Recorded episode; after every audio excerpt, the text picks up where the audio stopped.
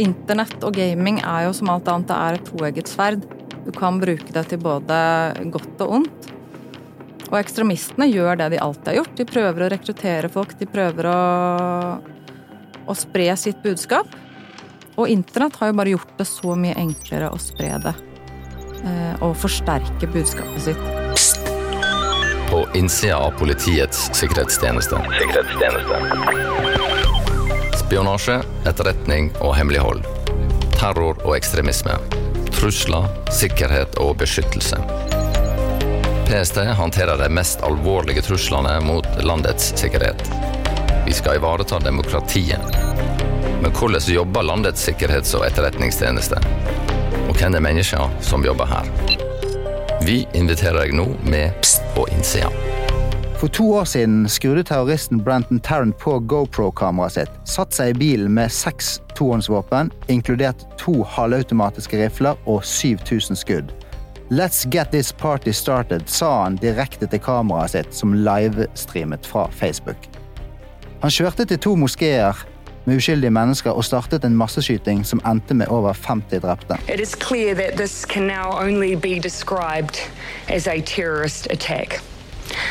From what we know, it does appear to have been well planned. Two explosive devices attached to suspects' vehicles have now been found and they have been disarmed. I PCs trusselvurdering for 2021 sier vi at det er sannsynlig at nordmenn vil delta i transnasjonale voldsoppfordrende lukkede grupper på nett. De senere årene er det mange plattformer som legger til rette for økt nettverksbygging, og disse nettjenestene kan være samlingssteder for en voldelig kultur som vi vet kan bidra til at enkelte radikaliseres og til videre inspireres til å begå terrorhandlinger. Temaet for denne episoden er digitale nettverk og radikalisering på nett. Vi skal snakke om terrorens utvikling i et historisk perspektiv, diskutere hvordan digitaliseringen påvirker både radikaliseringsprosessen og hvordan terroren gjennomføres. Jeg heter Martin Berntsen og jobber med kommunikasjon i PST. For å ta oss med inn i en verden der voldsideologier, populærkultur og terror mikses sammen, har vi i dag tatt med oss analytiker i PST, Celine, i studio. Før vi går videre til å snakke om begreper som jihadi cool, gamification, shitposting og lederløs terrorisme, kan ikke du fortelle litt om hva du gjør i PST, og hva du har gjort i PST? Jeg er 40 år gammel. Jeg har jobbet i PST siden 2015. Jeg har jobbet mye med det vi i tjenesten kaller modus operandi, eller MO, som strengt tatt er mål, middel, aktør, metode, eh, den type ting. Men oversatt dreier det seg mye om de taktiske detaljene ved terrorangrep. Så sånn sett så har jeg jobbet veldig mye opp mot politiet og beredskapstroppen og de, disse aktørene. Jeg har skrevet eh, en rekke trusselvurderinger, blant annet på Nobels fredspris, eh, storting, regjering, veldig mange arrangementer, folkeansamlinger. Så hvis du har gått i 17. mai-tog, eller vært på Øyafestivalen, eller på eh, Molde Jazzfestival, for eksempel, så er det sannsynligvis jeg som har skrevet den trusselvurderingen. Eh, det siste så har jeg jobbet da som strategisk analytiker, og dypdykket i ekstremistiske digitale nettverk. Digitale nettverk, eh, kan du si hva er det, og så putte det kanskje litt inn i en historisk kontekst? Ja, eh, jeg tenkte vi kan starte litt lenger tilbake i tid, eh, for å liksom se hvordan dette har utviklet seg. Vi kan starte ved etterdanningene av 9-11, eller altså angrepet på World Trade Center, og det som da ble kalt krigen mot terror, The War on Terror. Og dette går jo på hvordan vi ser på terror, og denne krigen var basert på tanken om at det fantes et ondt imperium som var ledet av en superskurk, Osama bin Laden, og hvis du tok ut liksom slangens hode, kuttet av slangens hode og tok ut Osama bin Laden og hans nærmeste, så falt hele det onde imperiet sammen. Og dette er jo en behagelig tanke. Det er enklere å, å ta ut en superskurk enn å kjempe mot noe annet, men 20 år senere så ser vi at dette tankegodset ikke døde med Osama bin Laden. Og vi kan jo kanskje si at man kan ikke drepe en idé eller en tanke eller en ideologi. Og de digitale nettverkene vi skal snakke om i dag, er kanskje på en måte manifestasjonen av det. Det er ideer og ideologier som lever sitt eget liv, mer eller mindre uavhengig av konkrete terrororganisasjoner. Mm. Mm. Eh, som medieviter så, så er det jo mange interessante tanker du har eh, fortalt til meg før sending i dag. Eh, og det handler blant annet om hvordan terroren er avhengig av både den teknologiske utviklingen og ikke minst medieutviklingen. Mm. Og så spurte jeg om du kunne spole litt tilbake 40-50 år, og da var det jo en kjent terroraksjon i 1972. I dag er mennesker samlet her i stum sorg og i forstenet forvirring over at deres forestillelsesverden så brått er snudd på hodet. I dag føler mange at lekene ikke kan fortsette. I hvert fall ikke i München og ikke i 1972. Det er en umulighet å leke videre nå. TV-mediet spilte en rolle. Mm. da skjønner du kanskje hva jeg tenker på? Ja, da tenker du Nå skal jeg bare Da vil jeg bare stille deg et spørsmål. Eller lytterne. Hva er egentlig hensikten med terrorisme? Og man bruker jo terror for å oppnå et ideologisk, religiøst eller eh, politisk mål. Eh, og ved å utføre et terrorangrep så vil man sende en beskjed til hele samfunn. Ikke bare til dem som blir direkte rammet av terrorangrepet, men til en stor del Altså, man ønsker å spre frykt, som egentlig er irrasjonell. Det er veldig sjelden man dør i et terrorangrep. Men et vellykket terrorangrep, det bringer jo terroren veldig nær deg. Du føler at du og dine kan rammes når som helst. Og det er jo derfor man sier at eh, terrorisme er teater. Det er en forestilling for et mye større publikum enn dem som rammes av angrepet. Eh, Bruce Hoffman har jo skrevet veldig godt om dette, og han skriver da at, eh, at moderne terrorisme det vokser fram samtidig som våre moderne medier. Radio, TV, altså nyheter som går verden rundt i superfart. Altså 50-60-tallet. Og vi ser at det utvikler seg med flykapringer, den type ting. Og som du nevnte da, OL i München kanskje kulminerer i dette.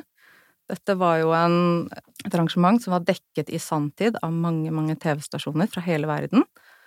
Og denne terrorgruppen, Black September, designer jo angrepet mot da eh, elleve israelske OL-deltakere, nettopp for å utnytte denne publisiteten. Og hvis vi tenker i form av mediedekning, så var dette angrepet en kjempesuksess for terroristene. Det er estimert med at rundt 900 millioner mennesker i over 100 forskjellige land så på disse sendingene fra gisseldramaet som utspilte seg. Og som Bruce Hoffman skriver, da, etter dette så kunne ingen ignorere palestinerne eller deres sak lenger, på tross av at angrepet ble fordømt. Og da kan vi spole 29 år frem i tid, og da er vi på 9-11, som jo var et terrorangrep uten sidestykke. Og det hadde enorme konsekvenser i Vesten og i Midtøsten, både politisk, militært, og for oss i Vesten psykologisk. Fra da av så hadde vi jo jihadistisk terror langt fremme i pannebrasken. Og da kom vi jo til The War on Terror, som vi startet med. Og så kan vi spole frem til rundt eh, 2014-2015. Hvor er vi da? Hva er det som skjer? Og da er jo Al Qaida er fremdeles blant oss. Og ISIL, som mange vil hevde er en direkte følge av krigen mot terror og invasjonen av Irak. Og på denne tiden, 2015-2014, da er jo ISIL nesten realiseringen av et verstefallsscenario, den frykten man hadde med Al Qaida. De har erobret store landområder, de selger olje, de har masse våpen. De er jo nesten en protostat. Og de er veldig flinke med propaganda. De har aldri, det har aldri vært et så høyt antall vestlige fremmedkrigere i, i et annet krigsteater. Mm. Men det er også noe annet, det er noe nytt som skjer, som er eh, veldig spennende. Eh, og i en studie fra Internasjonalt senter for studie av radikalisering og politisk valg, så har de en Det var vel i 2015 så forsket de på hvor, hvor de fikk informasjonen fra, hva de var påvirket av. Og i denne studien så finner man at disse fremmedkrigerne først og fremst får informasjonen sin fra såkalte disseminators, eller spredere, og ikke direkte fra ISIL og deres propagandaapparat. Og disse sprederne, det er, dette er enkeltindivider som støtter ISIL, men som for det meste ikke er offisielt tilknyttet organisasjonen, og som regel så er de ikke heller i konfliktsonen. Og de har ganske stor innflytelse over hvordan både sympatisører i Vesten og fremmedkrigere som er midt i konflikten, hvordan alle disse faktisk oppfatter konflikten. Og studien konkluderer med at for fremmedkrigere så er ikke sosiale medier lenger virtuelle. De er essensielle aspekter av det som skjer på bakken. Altså så er sosiale medier for dem blitt like virkelige som virkeligheten. Og dette er jo på en måte opptakten til det vi ser i dag, som gjelder ikke bare fremmedkrigere, men vestlig, mange vestlige ungdommer.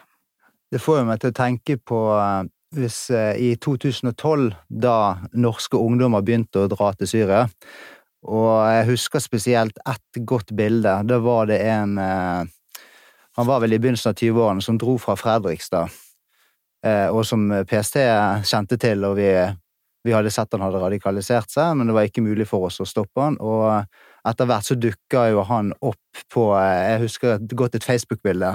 Han sammen med to andre i ganske sånn vestlige klær. Jeg husker en satt der med Lacoste-lue og eh, dog med skuddsikre vester. Men det var mer sånn gutter på tur-bilde. Mm. Og så vet vi jo hva som skjedde noen få uker etter det bildet ble tatt, så var jo sannsynligvis alle tre drept. Mm. For PST var slike bilder selvsagt gull verdt i etterretningsarbeidet, nemlig at vi kunne se hvor de var, og vi kunne følge dem eh, på nettet. Mm. Og etter hvert så er jo enkelte av de også blitt dømt. Men det viste i hvert fall hvordan sosiale medier den gang ble brukt. Mm. Veldig aktivt. Mm. Eh, I en sånn her eh, for å lokke andre med seg hvor, hvor bra og hvor flott det var i kalifatet. Nå, eh, nå, har jo veldig mange innsett at det var ikke så flott som de sosiale mediene tilsa. Og det er jo klart at etter hvert som tiden gikk, så ble jo heller ikke sosiale medier brukt på den måten, for de kriminaliserte jo seg selv ved å legge ut disse bildene. Eh, det er helt riktig, og, og, det du beskriver nå, er jo noe av det Jason Burke, for eksempel, har kalt uh, selfie-jihad. Og det er jo sånn som disse her uh, folka som dro ned, de, de, de, radikaliserte hverandre, de var venner, de kjente hverandre fra før av. Mm. Og det er jo noe, noe vi har sett mye av blant disse fremmedkrigerne. Det er jo hele forsteder fra Paris omtrent som har reist ned sammen. Så det betyr jo at eh, relasjoner i det virkelige liv vil, er fortsatt viktige, og det vil fremdeles være viktig.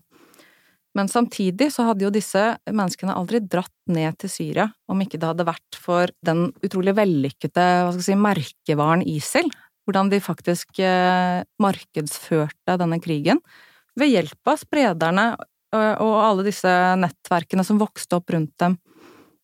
Det er det som kanskje var så spesielt med ISIL, de var eksepsjonelt flinke til å koble seg på den eh, globale ungdomskulturen. På en helt annen måte enn Al Qaida, selv om de hadde gjort eh, enkelte forsøk, blant annet med bladet Inspire, som fungerte veldig godt, da. Og vi ser jo her for eksempel uttrykk som jihadi cool, som du uh, nevnte i stad, Martin. Og det er jo igjen, som du sier, det er veldig absurd, hele opplegget. Her har du men hva er jihadi kod? Jo, når, du, når, du, sier jihadi kod, er det, er det et bilde, eller er det Nei, det er på en måte en stil, eller et uttrykk. Thomas Heggammer, blant annet, beskriver det i Jihadi culture. Og jihadi cool er jo for eksempel da når du har en sånn slags Midtøsten-skjortel, og kanskje korte bukser, altså rett under kneet som profeten Mohammed liksom hadde, og en army-jakke eller militærjakke, og sneakers, og et religiøst hodeplagg og poster Du er da for eksempel fremmedkriger og poster masse bilder på sosiale medier av sjokoladepålegg, gode måltider, våpen, søte katter. Jeg husker blant annet det var en eh, konto som het Cats of ISIL, hvor masse fremmedkrigere la ut bilder av eh, søte katter de møtte da i Syria og Irak. Men, eh, men, men, henger dette på greip? Altså, disse dro jo til kalifatet for å leve et slags eh, veldig sånn konservativt og tradisjonelt liv. Ja, ikke sant? Hvordan passer det sammen med kattevideoer og Nei, men det er jo det som er så fascinerende, at de, de, disse her vil skru tiden tilbake. Men samtidig så er de selv et ultramoderne fenomen. De hadde aldri eksistert uten moderne medier, sosiale medier. Og da, og da, da kommer vi, når de håper jeg, barn av sin kultur, så er de mm. også barn av dataspill. Mm. Og vi bruker jo et uttrykk, og det har vi gjort i denne podkasten før også, et uttrykk som heter gamification. Mm. Kan du beskrive det litt nærmere? Ja. Og vi var jo allerede i 2016 så skrev jo blant annet Jason Burke at eh, nå er det ikke så lenge til vi får vårt første livestreamede terrorangrep. Bare at det kom ikke fra ekstreme islamister, det kom fra høyreekstreme. Og da er vi kommet til 15. mars 2019, og som vi startet med, da Brenton Tarrant som setter seg i bilen og, og henvender seg til publikum, og går da til angrep på masse uskyldige mennesker. Eh, mens dette blir filmet da fra førsteperson skytespillperspektiv. Du De som ser på oppdraget, er på en måte sammen med eh, Tarrant og, og, ser det gjennom hans øyne. Og det er dette Julia Ebner, en uh, forsker, kaller the gamification of hate. Altså, han gjennomførte og koreograferte sitt angrep som et dataspill, og han livestreamet det da på Facebook. Alt dette via et GoPro-kamera. Vi husker jo også for eksempel Anders Behring Breivik, som snakket om hvordan han liksom trente eh, gjennom å spille Hva var det han spilte? War of War of Warcraft, ja, det vel. Ja. Og hvordan han følte at han ble denne figuren, avataren sin, mens han gjennomførte angrepet på Utøya. Så det å bruke gamification, det er både en måte for deg selv å fjerne deg fra det du gjør, men også det å fremstille for de som ser på, en grusom handling som noe som er tilnærmet likt et spill. Mm.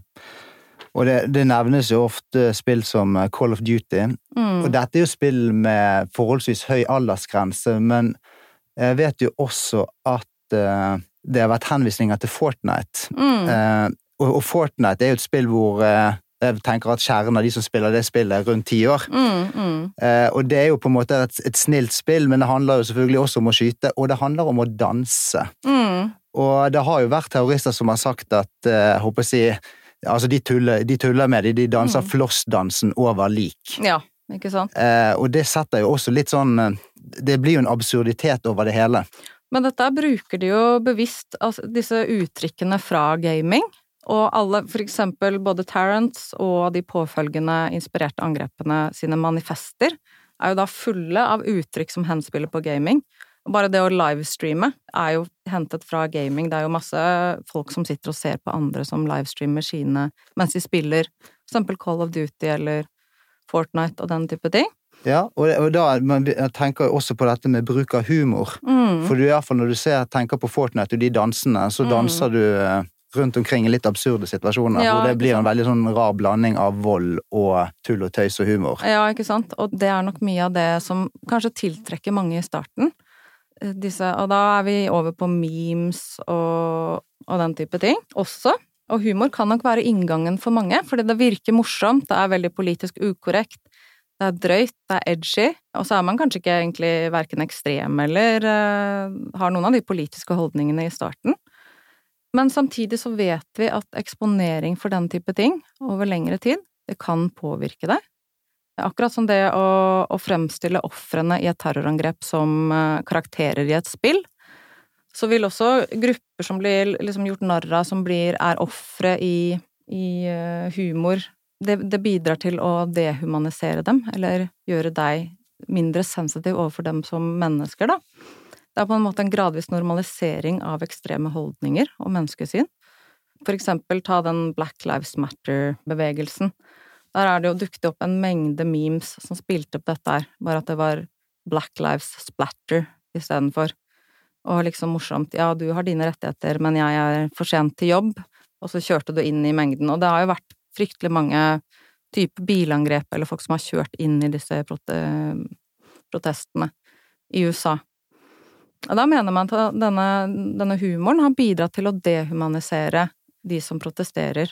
De fremstår ikke lenger de Og det er jo det alle Det er det som kommer forut for alle, hva skal jeg si, folkemord, etnisk utrensning, umenneskelig behandling av fanger. Det er en uh, prosess der hvor du dehumaniserer ofrene, rett og slett for at man skal klare å utføre disse tingene mot andre mennesker. Mm. Og man kan jo si at uh, ting som gamification, humor som går utover spesifikke grupper, uh, og den type ting, det, det, kan fungere på samme måten. Ja. Mm. Og da, for å ta på oss PST-hatten her, da, så er jo ikke PST nødvendigvis opptatt av humoren og jihadi cool. Vi er vel mer opptatt av når det går fra holdning eller går fra humor til mm. det virkelige. Mm. Eh, og eh, hvor, hvor går skillet mellom det virkelige og mm. det virtuelle, og når oppheves dette skillet? Og hvordan eh, håper jeg, oppdage de som da tråkker over den streken. Ja. For man vil jo tro at i, i nettfora og sånn, hvis man begynner å snakke om eh, vold i virkeligheten, så vil jo kanskje mange trekke seg ut. Det vil Mm. man skulle tro er det naturlige, da, men det er jo de som da ikke gjør det. Eh, og da, da har du jo noen begreper som blant annet som du snakket om, eh, time to stop the shitposting. Det, det vi snakker om her, det er så omfattende. Vi snakker jo ikke lenger om at terrorgrupper liksom bruker internett til å spre sin propaganda. Eh, De digitale nettverkene og denne kulturen som vi snakker om, det er på en måte ikke top down lenger. Det er like ofte brukerstyrt og foregår mellom likestilte, da. Og vi ser at relasjonene og alle de kulturelle uttrykkene i nettverkene er slik at de samlet sett utgjør subkulturer. Altså underkulturer av den store hovedkulturen, hvor du har dine egne sett med verdier og kulturelle koder. Og offisiell propaganda fra terrororganisasjoner er bare en liten del av dette. Eh, Og denne subkulturen, den både formidler og sosialiserer sine medlemmer til en ideologi og et verdenssyn, og ofte også til opplevelsen av en sosial identitet. Og derfor kan skillet mellom det virkelige og det virtuelle viskes ut for noen. Vold er enklere å utføre dersom volden fremstår som på en måte en naturlig fortsettelse av det å poste innlegg på et chatteforum. Både Tarrant og Philip Manshaus omtaler det på den måten. Altså, Tarrant sier eh, 'time to stop the shitposting', 'time to do some real life effort posting'. Mens uh, Manshaug sier uh, 'it's time to bump the race war'. Bump er da et uttrykk for å øke synligheten til et innlegg i sosiale medier, dytte det til toppen av feeden. Og det er liksom Sånn omtaler de disse angrepene der de dreper masse, eller ønsker å drepe masse uskyldige mennesker. Og dette gjelder jo ikke bare høyre, høyreekstreme, dette ser vi også hos ekstreme islamister. Eh, mordet på den franske læreren eh, Samuel Paty etter nå i høst, var det vel? Det var jo på en måte resultatet av en eh, sosial mediekampanje hvor han ble hengt ut fordi han viste disse karikaturtegningene, da, i en klasse om ytringsfrihet. Og denne gjerningspersonen, bare minutter etter drapet, så postet han da bilde av offerets avhugde hode på Twitter. Ja, da har det jo gått over til det voldelige. Mm. Eh, En annen, når vi er inne på populærkulturelle fenomener, så kommer vi ikke helt utenom å snakke om musikken Nei. og spillelister. Eh, Og det, det, det, det har det jo vært snakk om om de gjennomførte angrepene. Mm. Og, og det, det blir også satt litt i absurditetens lys, hva Mm. slags type musikk de hører på, og eh, både når de gjennomfører angrepet, men også kanskje for å komme i et, et riktig stemning, eller Mm. Kan du si litt om det? Musikken? Ja, noen av dem er jo Det er noe som heter Fashwave, som er en versjon av synthwave, hvor du er liksom inspirert av 80-tallsmusikk og dataspillmusikk. Og jeg vil tro at mange av disse folka, som vi også har sett på spillelistene, er opptatt av musikk som er fra dataspill. For eksempel John Timothy Ernest, som da gikk angrep mot en synagoge i Poway i USA. Etter, da, direkte inspirert av Branton Tarrant. Han eh, var så redd for at de skulle stenge ned Han prøvde jo å livestreame angrepet sitt. Det gikk ikke, men han postet i hvert fall spillelisten sin på sosiale medier først, sånn at ingen skulle gå glipp av sine hans eh, awesome tunes, som han kalte det. Og bare det at du snakker om det på den måten, som om du er liksom Tarantino som sitter og skal finne, soundtracket ditt til en film, det er jo absurd. Og så setter du på, så hører du Pokémon Go-temasangen. Du er over i en annen virkelighet der, der du forholder deg og strukturerer. Ja, nei, for når, du, når, du, når du har sett på noen av de eh, Hørt på noen av de sangene, så er det jo også eh, Det er alt fra veldig pompøse Mm. melodier fra dataspillet Halo til Beach Boys, Mm. til, som du sier, Pokémon Go, og til mer tradisjonell Mm. tradisjonell musikk. Mm. Hvis vi, da, hvis vi da prøver å løfte litt opp, da, hvis, vi, Mm. hvis vi forlater de populærkulturelle, den Mm. populærkulturelle delen og ser mer på strukturen nå, Mm. så har du snakket om at det er en slags lederløs terrorisme. Mm. Er lederne borte nå, eller? Nei, det er de ikke. De er fortsatt uh, med oss, uh, og det vil de være, men, men samtidig ideen om lederløs terrorisme, eller lederløs motstand, da, som terroristene selv vil kalle det, det er en gammel idé som vi finner både i venstreekstrem og høyreekstrem og ekstrem islamistisk ideologi. For eksempel høyreekstremisten Louis Beam publiserte i 1992 da essayet Leaderless Resistance, eh, der en ikke-organisering av tusenvis av fantomceller vil gjøre aktiviteten deres umulig å avdekke og stanse. Eh, og Al Qaida er jo Altså, grunnleggernes eh, tanke var jo både at det skulle være en konkret organisasjon, men også fundamentet, grunnlaget eller basen, som Al Qaida betyr. Som skulle, det skulle være et grunnlag, uavhengig av den fysiske gruppen, som skulle inspirere muslimer til å omfavne denne jihad-ideologien. I 2004 så beskrev eh, Abu Musa Basuri A Call to Global Islamic Resistance hvordan desentralisert, selvstendig jihad skulle gjøre muslimenes hjem til både treningsleire og utfartsbaser. Alt dette ved hjelp av internett. Og dette er jo, som du, som du ser, det er gamle tanker, men det er kanskje først i dag at moderne teknologi gjør at fysiske, hierarkiske terrororganisasjoner ikke er overflødige, men mindre viktige Altså, tenk på 9-11, altså vanvittig mye trening, ressurser, måtte kapre fly og det ene med det andre. Mens da du ser på den, den andre siden, hvor du trenger et, eh, et våpen og et GoPro-kamera og en smarttelefon så du kan laste det opp til internett. Og da, og da, da, er vi også inne på plattformer, som jeg har lyst til å spørre deg litt om. Hva, hva slags plattformer er det som brukes, og er det sånn at noen plattformer var mer aktuelle for eh, to år siden.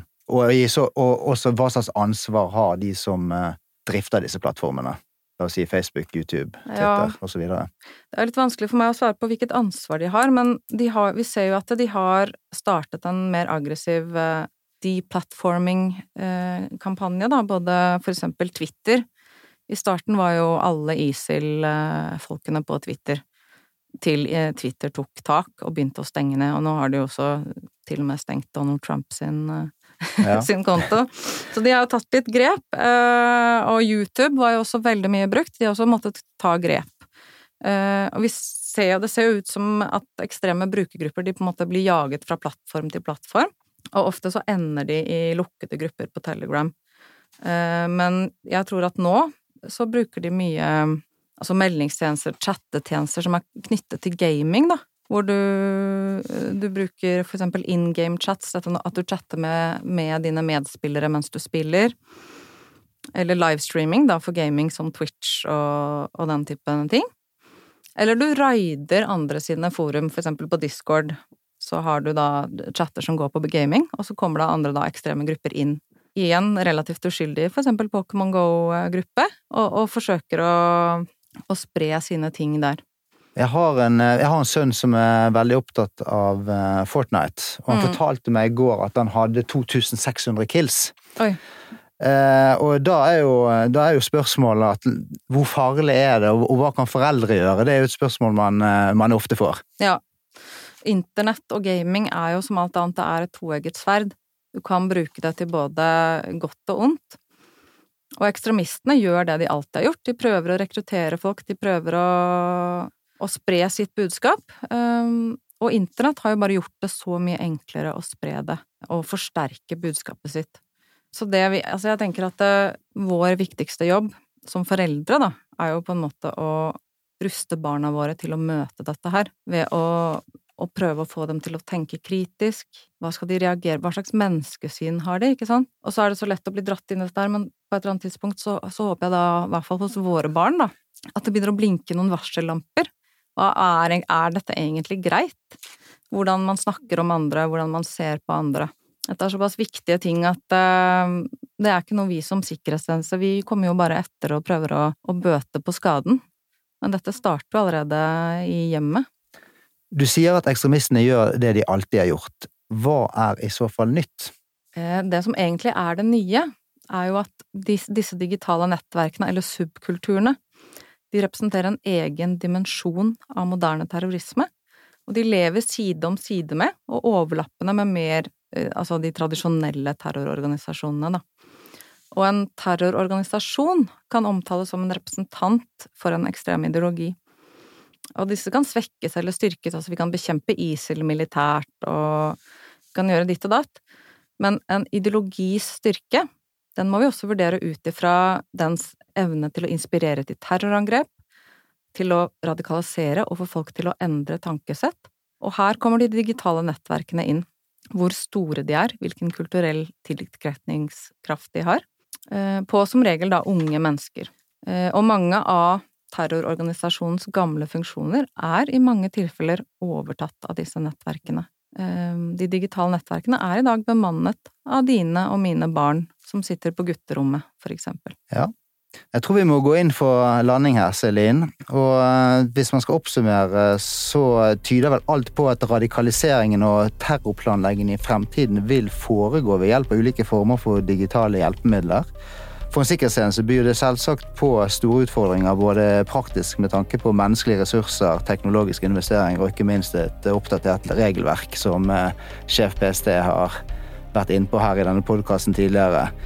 Og for dere som vil lese litt mer om dagens tema, så på nettsidene våre så har vi akkurat eh, publisert en rapport som handler om hvordan ekstreme digitale nettverk påvirker terrortrusselen. Så da vil jeg bare takke for i dag, Celine. Og det var ekstremt hyggelig å ha deg her i dag. Takk skal du ha, Martin. Det var veldig hyggelig å være her. Ser du noe, si noe. Men bruk sunn fornuft. Kontakt oss på pst.no.